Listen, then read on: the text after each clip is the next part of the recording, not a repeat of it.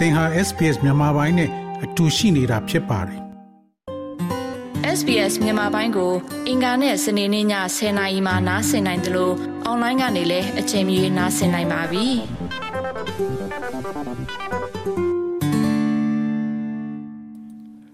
Australia ရဲ့ National Unity Government ရဲ့ကိုယ်စားလှယ်ဒေါက်တာထွန်းအောင်ရွှေအခုလိုကျွန်တော်တို့ SBS Radio နဲ့ဆွေးနွေးပေးမဲ့အတွက်ကျေးဇူးတင်ပါတယ်။ကျေးဇူးတင်ပါတယ်။ ဟုတ်ကဲ့ပထမဆုံးအနေနဲ့က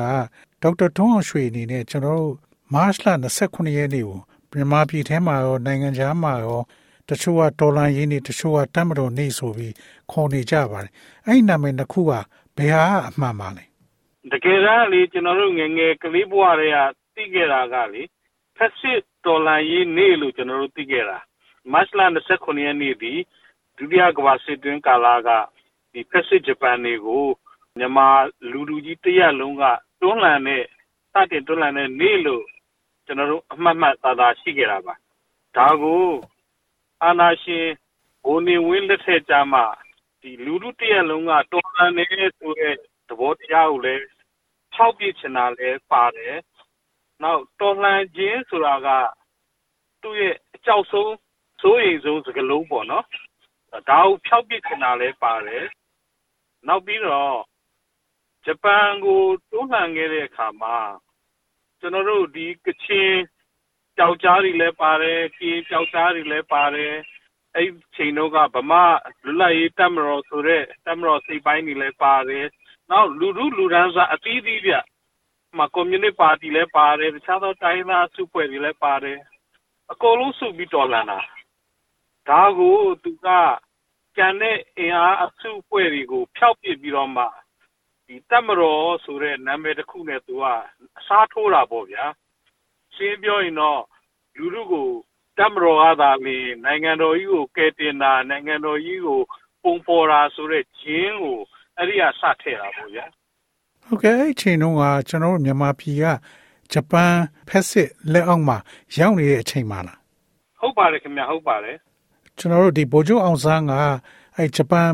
ဖက်စစ်နဲ့အစားသူကပေါင်းပြီးအင်္ဂလိပ်ကိုတိုက်ခဲ့တယ်တော်လန်ရေးနေ့ကျတော့သူကဂျပန်ကိုပြန်တိုက်တယ်လို့သိရပါတယ်အဲ့ဒါဘလို့ဖြစ်သွားတာပါလဲ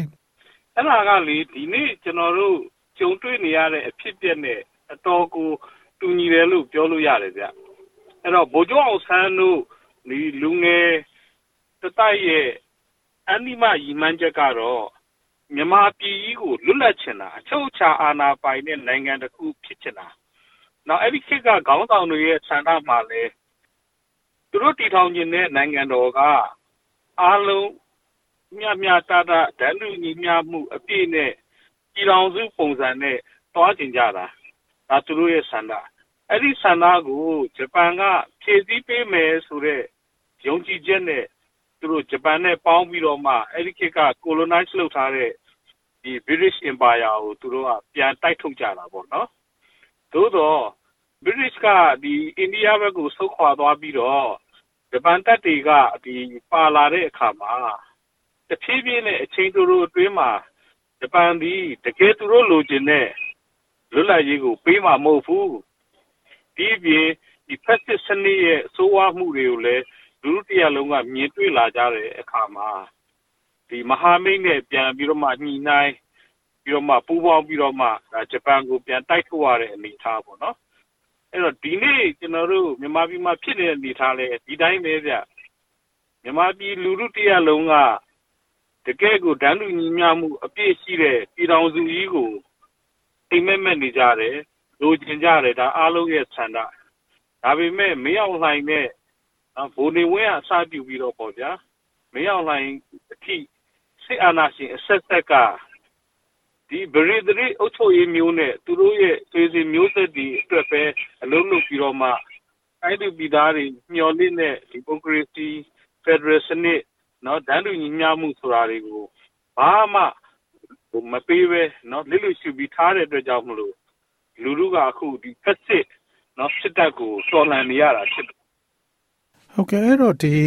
NUG အစိုးရအနေနဲ့ရောကျွန်တော်တို့ဒီမတ်လ29ရက်နေ့တော်လန်ရင်းနေ့မှာ ဘာတွေများအထူးအစီအစဉ်လုပ်ဖို့ရှိပါလဲအဲကျွန်တော်အနေနဲ့တော့အတိအကျတော့ကျွန်တော်မသိထားပါဘူးသို့တော့အစင်လာရတော့ဒီလိုမျိုးအင်တန်ကိုတမိုင်းအစ်တာရပြေဝတဲ့ဒီလိုရဲ့မျိုးမှာတော့သမရဒီဒူဝါလာရှိလာကစပြီးတော့မှဒီ NUG အဖွဲ့ဝင်ဝင်ကြီးတွေနောက်ပြီးတော့မှဒီ CRPH နဲ့အခြားသောမိတ်ပတ်မဟာမိတ်အဖွဲ့အစည်းတွေကတော့ထုတ်ပြန်ကြေညာချက်တွေမိန့်ခွန်းတွေတော့ဒါ အတိပေးလူလူကိုပြောကြားကြမှာပေါ့နော်ဟုတ်ကဲ့တော့ဒီဩစတြေးလျမှာရောဒေါက်တာထွန်းအောင်ရွှေအနေနဲ့ဒီတော်လန်ရင်းနေမှာဘာများအထူးစီစဉ်လုပ်ဖို့ရှိပါလဲ။အော်ကျွန်တော်အနေနဲ့တော့ကျွန်တော်တို့ဒီ NUG ကိုယ်စားလှယ်ရုံးမှာမတ်လ29ရက်နေ့တပတ်ခါပေါ့နော်။အမကိုယ်စားလှယ်ရုံးမှာဒီကင်ဘာရာမြို့မှာရှိတဲ့ဒီနိုင်ငံခြားတိုင်ယုံတွေကိုဖိတ်ကြားပြီးတော့မှ diplomatic briefing တခုကျွန်တော်လုပ်ဖို့စီစဉ်ထားပါတယ်။ အဲတော့တိုင်ယုံတော်တော်များများလည်းတက်ရောက်မယ်ဆိုပြီးတော့ဒီအကြောင်းပြန်ထားတာရှိပါတယ်ခင်ဗျ။အဲ့ဒီမှာတော့ဒီကျွန်တော်တို့ Australia Parliament က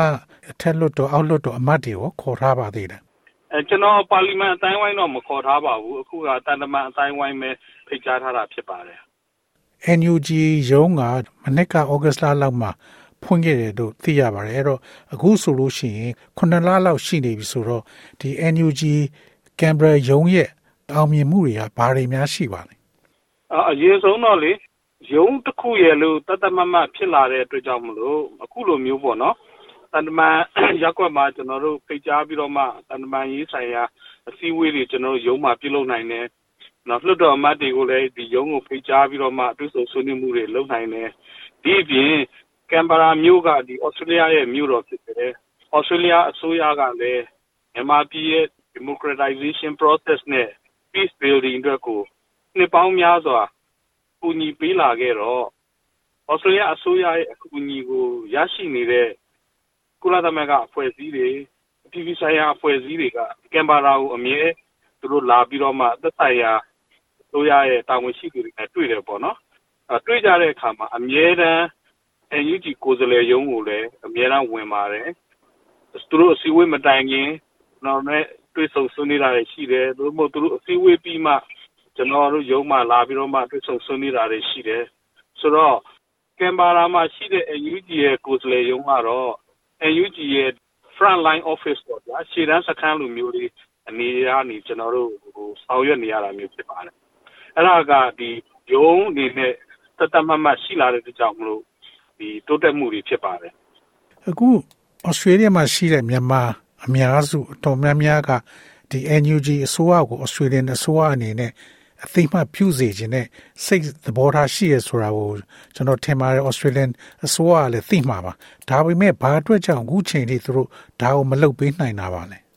အဲအဲ့ဒီကလေ recognition ဆိုတဲ့ဒီအသိမှတ်ပြုမှုစကားကအဓိပ္ပာယ်ကျယ်ဝန်းပါတယ်အဲ့တော့ကျွန်တော်တို့အားလုံးနားလည်ဖို့ကဩစတြေးလျနိုင်ငံသည်မြန်မာနိုင်ငံကိုအသိအမှတ်ပြုထားပြီးသား recognize လုပ်ထားပြီးသားဖြစ်ပါတယ် မြန်မာနိုင်ငံကလည်းဩစတြေးလျနိုင်ငံကို အချုပ်အခြာအာဏာပိုင်နိုင်ငံတစ်ခုအနေနဲ့ recognize လုပ်ပြီးသားဖြစ်ပါတယ် ဒီလိုအပြန်အလှန်အသိအမှတ်ပြုတဲ့အတွက်ကြောင့်ဖို့ဩစတြေးလျနိုင်ငံနဲ့ မြန်မာနိုင်ငံရဲ့တန်တမာဆက်သွယ်မှုပါ မြန်မာနိုင်ငံလွတ်လပ်ရေးအစောဆုံးတန်တမာဆက်သွယ်မှု စတင်ခဲ့တဲ့နိုင်ငံတွေကဩစတြေးလျနိုင်ငံကတစ်ခုပါ ဒါကြောင့်မလို့အတိအမှတ်ပြုမှု recognition ဆိုတာ ရှိပြီးပါပြီ အဲ့တော့ ကျွန်တော်တို့ အခု တော်လှန်ရေးကာလမှာ AUG ဆိုတဲ့ လူလူအစိုးရနဲ့ အာဏာကို မတရားသိမ်းပိုက်ထားတဲ့ စစ်အုပ်စုစုဖွဲ့နဲ့ဘသူနဲ့ဩစတြေးလျဆိုရက ဆက်သွယ်ဆက်ဆံမလဲဘသူကို ကူညီပံ့ပိုးမလဲဘသူရဲ့ ဆောင်ရွက်မှုတွေကိုအတိအမှတ်ပြုမလဲ အဲ့ဒါတွေက အရေးကြီးပါတယ် အဲ့တော့ recognition ဆိုတာက ရှိပြီးသား ကျွန်တော်တို့က ဘာလုပ်ရမလဲဆိုတော့ engagement ထိတွေ့မှုတွေ ရှိရမယ် support ကူညီထောက်ပံ့မှုတွေရှိရမယ် နောက် collaboration ပူးပေါင်းဆောင်ရွက်မှုတွေရှိရမယ်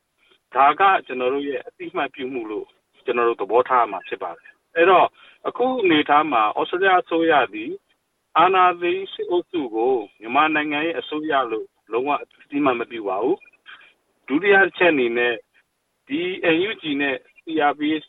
မြန်မာနိုင်ငံရဲ့ လူလူအစိုးရ တရားဝင်မှုရှိတဲ့ဒီအဖွဲ့အစည်းစိတ်ပိုင်းအနေနဲ့ကို သူတို့လက်ခံထားတာရှိပါတယ်။တနည်းအားဖြင့်ဆိုရင်ဒီစွတ်တော်ကနေတရားဝင်ထုတ်ပြန်တဲ့အစီခံစာထဲမှာ CRPH နဲ့ NUG ဒီ legitimacy ရှိတယ်ဆိုတာကိုဖော်ပြထားတာရှိပါတယ်။တော့ဒါကတပိုင်းပေါ့။အဲ့တော့ကုညီပံ့ပိုးမှုနဲ့ပတ်သက်ရင်ဩစတြေးလျအစိုးရသည်မြန်မာနိုင်ငံရဲ့ဒီငြိမ်းချမ်းရေးနဲ့ဒီမိုကရေစီပြန်လည်ဖော်ဆောင်ရေးအတွက်အပြည့်အဝသူတို့သူ့နိုင်ငံရဲ့အတိုင်းအတာအရအပြည့်အဝသူတို့ပူးပေါင်းဆောင်ရွက်နေတယ်သို့တော့ ဩစတြေးလျရဲ့မူဝီကဒီပံ့ပိုးကူညီမှုတွေကိုအပြည်ပြည်ဆိုင်ရာသဘောတူညီမှုတွေအပြည်ပြည်ဆိုင်ရာအဖွဲ့အစည်းတွေကတဆင့်ပေးအပ်တယ်ဆိုတဲ့မူထဲမှာတော့သူတို့ကရှိနေပါတယ်အဲ့ဒီမူပေါင်းတွေကလည်းလွတ်လွတ်ပါတယ်ဒါကြောင့်မလို့စစ်အုပ်စုရဲ့မတရားမှုတွေစစ်ရာဇဝတ်မှုတွေဒီတရားမမျှတမှုတွေအတွက်ကိုဩစတြေးလျအစိုးရကဒီ IIMM ဆိုတဲ့ဒီစုံစမ်းစစ်ဆေးအဖွဲ့အတွက်ဖန်တီးနေအများကြီးပြီးတယ် ITC ICJ ဆိုတဲ့ဒီကမ္ဘာတရားစီရင်စနစ်တွေသူတို့ပံ့ပိုးတယ်သူတို့ဒီလမ်းကြောင်းကိုပံ့ပိုးပါတယ်ထိုနည်းတူစွာပဲမြန်မာနိုင်ငံရဲ့ဒီလူသားချင်းစာနာထောက်ထားမှုဒီဆိုင်ရာအကူအညီတွေဆိုရင်ကုလသမဂ္ဂနဲ့ဒီသားဆိုင်ရာဖွဲ့စည်းတွေကနေတစ်ဆင့်သူတို့ပံ့ပိုးနေပါတယ်အဲ့တော့ကျွန်တော်တို့ NUG ကတော့ဒီလိုလဲပံ့ပိုးပါသို့တော့ NUG ရဲ့လက်တွေ့ဆောင်ရွက်နေရတဲ့လုပ်ငန်းတွေမှာလည်းပူးပေါင်းဆောင်ရွက်ဖို့ဆိုတာတွေကျွန်တော်တို့ညှိနှိုင်းတင်ပြနေရတာတွေရှိပါတယ် ဟုတ်ကဲ့ကျွန်တော်အမြင်ကတော့ဒီ NUG အစိုးရကဒီ America တို့ဥရောပတို့မှာဆိုလို့ရှိရင်ပို့ပြီးတော့အဲ့မှာရှိတဲ့အစိုးရတွေရဲ့ထို့သဖြင့် America မှာဆိုလို့ရှိရင်ဒီသူတို့ဒီ Foreign Affairs Department ကနေပြီး NUG နဲ့သေချာဆက်သွယ်ရည်တွေ့ရည်ပါရှိပါတယ်ကျွန်တော်မြင်တာပေါ့လေ America နဲ့ဥရောပမှာဆိုရင် NUG နဲ့ဆက်ဆံမှုကပိုပြီးတော့များတယ်လို့ကျွန်တော်ကထင်ပါတယ်။ Australia နဲ့နှိုင်းယှဉ်ပေါ့လေ။အဲ့တော့ဒေါက်တာထွန်းအောင်ရွှေအနေနဲ့ရောဘယ်လိုမြင်ပါလဲ။အော်အဲ့ဒါတော့လေအစိုးရတရချင်းရဲ့ဒီသူတို့ရဲ့ဟိုပါပေါ့နော်ချင်းကပ်မှုပုံစံလေးတွေကွာခြားတာတွေရှိပါတယ်။ဩစတြေးလျအစိုးရကတော့အစင်အလာရသူက quiet diplomacy ပေါ့နော်။အဲ့တော့သူတို့တာဝန်ရှိတဲ့ပုဂ္ဂိုလ်တွေလည်းအမြဲပြောတယ်။ဩစတြေးလျဒီဘရော့မှ megaphone diplomacy ပေါ့။အော်ကြီးဖြစ်ကြဘရော့မှမလုပ်ဘူး quiet diplomacy နဲ့ပဲသွားမယ်ဒါကသူတို့ရဲ့အစဉ်လာပဲဆိုတာအမြဲပြောလို့ရှိပါတယ်။အဲ့တော့အစိုးရတရက်နဲ့တရက်နဲ့ကိုကျွန်တော်တို့ကဒန်းတူ level ချိန်ပြီးတော့လုပ်လို့တော့မရပါဘူး။အဲ့တော့ American ဆိုရင်တော့အခုပြီးခဲ့တဲ့ဒီ January လနောက်ပိုင်းမှာ UNG နဲ့ပို့ပြီးတော့မှစင်သာမြင်သာရှိတဲ့ဆက်သွယ်ဆက်ဆံမှုတွေအများကြီးပေါ်ပေါက်လာပါ2022ထက်ကို2023မှာပို့ပြီးတော့ engagement level လည်းတက်လာတယ် frequency တွေလည်းတက်လာတယ်ပေါ့နော်သို့တော့ Australia ဆွေးရပဲပိုင်းမှာလည်းကျွန်တော်တို့နီးစပ်သောပူပေါင်းဆောင်ရွက်မှုတွေအများကြီးရှိပါတယ်သို့တော့လူပြင်ကွင်းမှာတော့ထွက်လာလိမ့်မရှိပါဘူးဒါသူ့ရဲ့သဘာဝပါပဲဒါလေးကိုတော့ကျွန်တော်တို့နားလည်ပေးဖို့လိုပါအကုန်လုံးကိုတော့ဇလုံးတိုက်ညှိပြီးတော့မှကျွန်တော်တို့ပြောလို့တော့မရပါဘူးဟုတ်ကဲ့ဒေါက်တာထွန်းရွှေအခုလို့ဆွေးနွေးပေးတဲ့အတွက်ကျေးဇူးအများကြီးတင်ပါတယ်နော်ကျွန်တော်လည်းကျေးဇူးအများကြီးတင်ပါတယ်ခင်ဗျာ SBS မြန်မာပိုင်းကို အင်ကာနဲ့စနေနေ့ည10:00နာရီမှနားဆင်နိုင်ပါတယ်။နားဆင်နိုင်တဲ့နည်းလမ်းအများကြီးရှိပါတယ်။ Radio Digital TV Online ဒါမှမဟုတ် SBS Radio App ကနေတဆင့်နားဆင်နိုင်ပါတယ်။ SBS မြန်မာပိုင်းအစီအစဉ်ဖြစ်ပါတယ်ရှင်။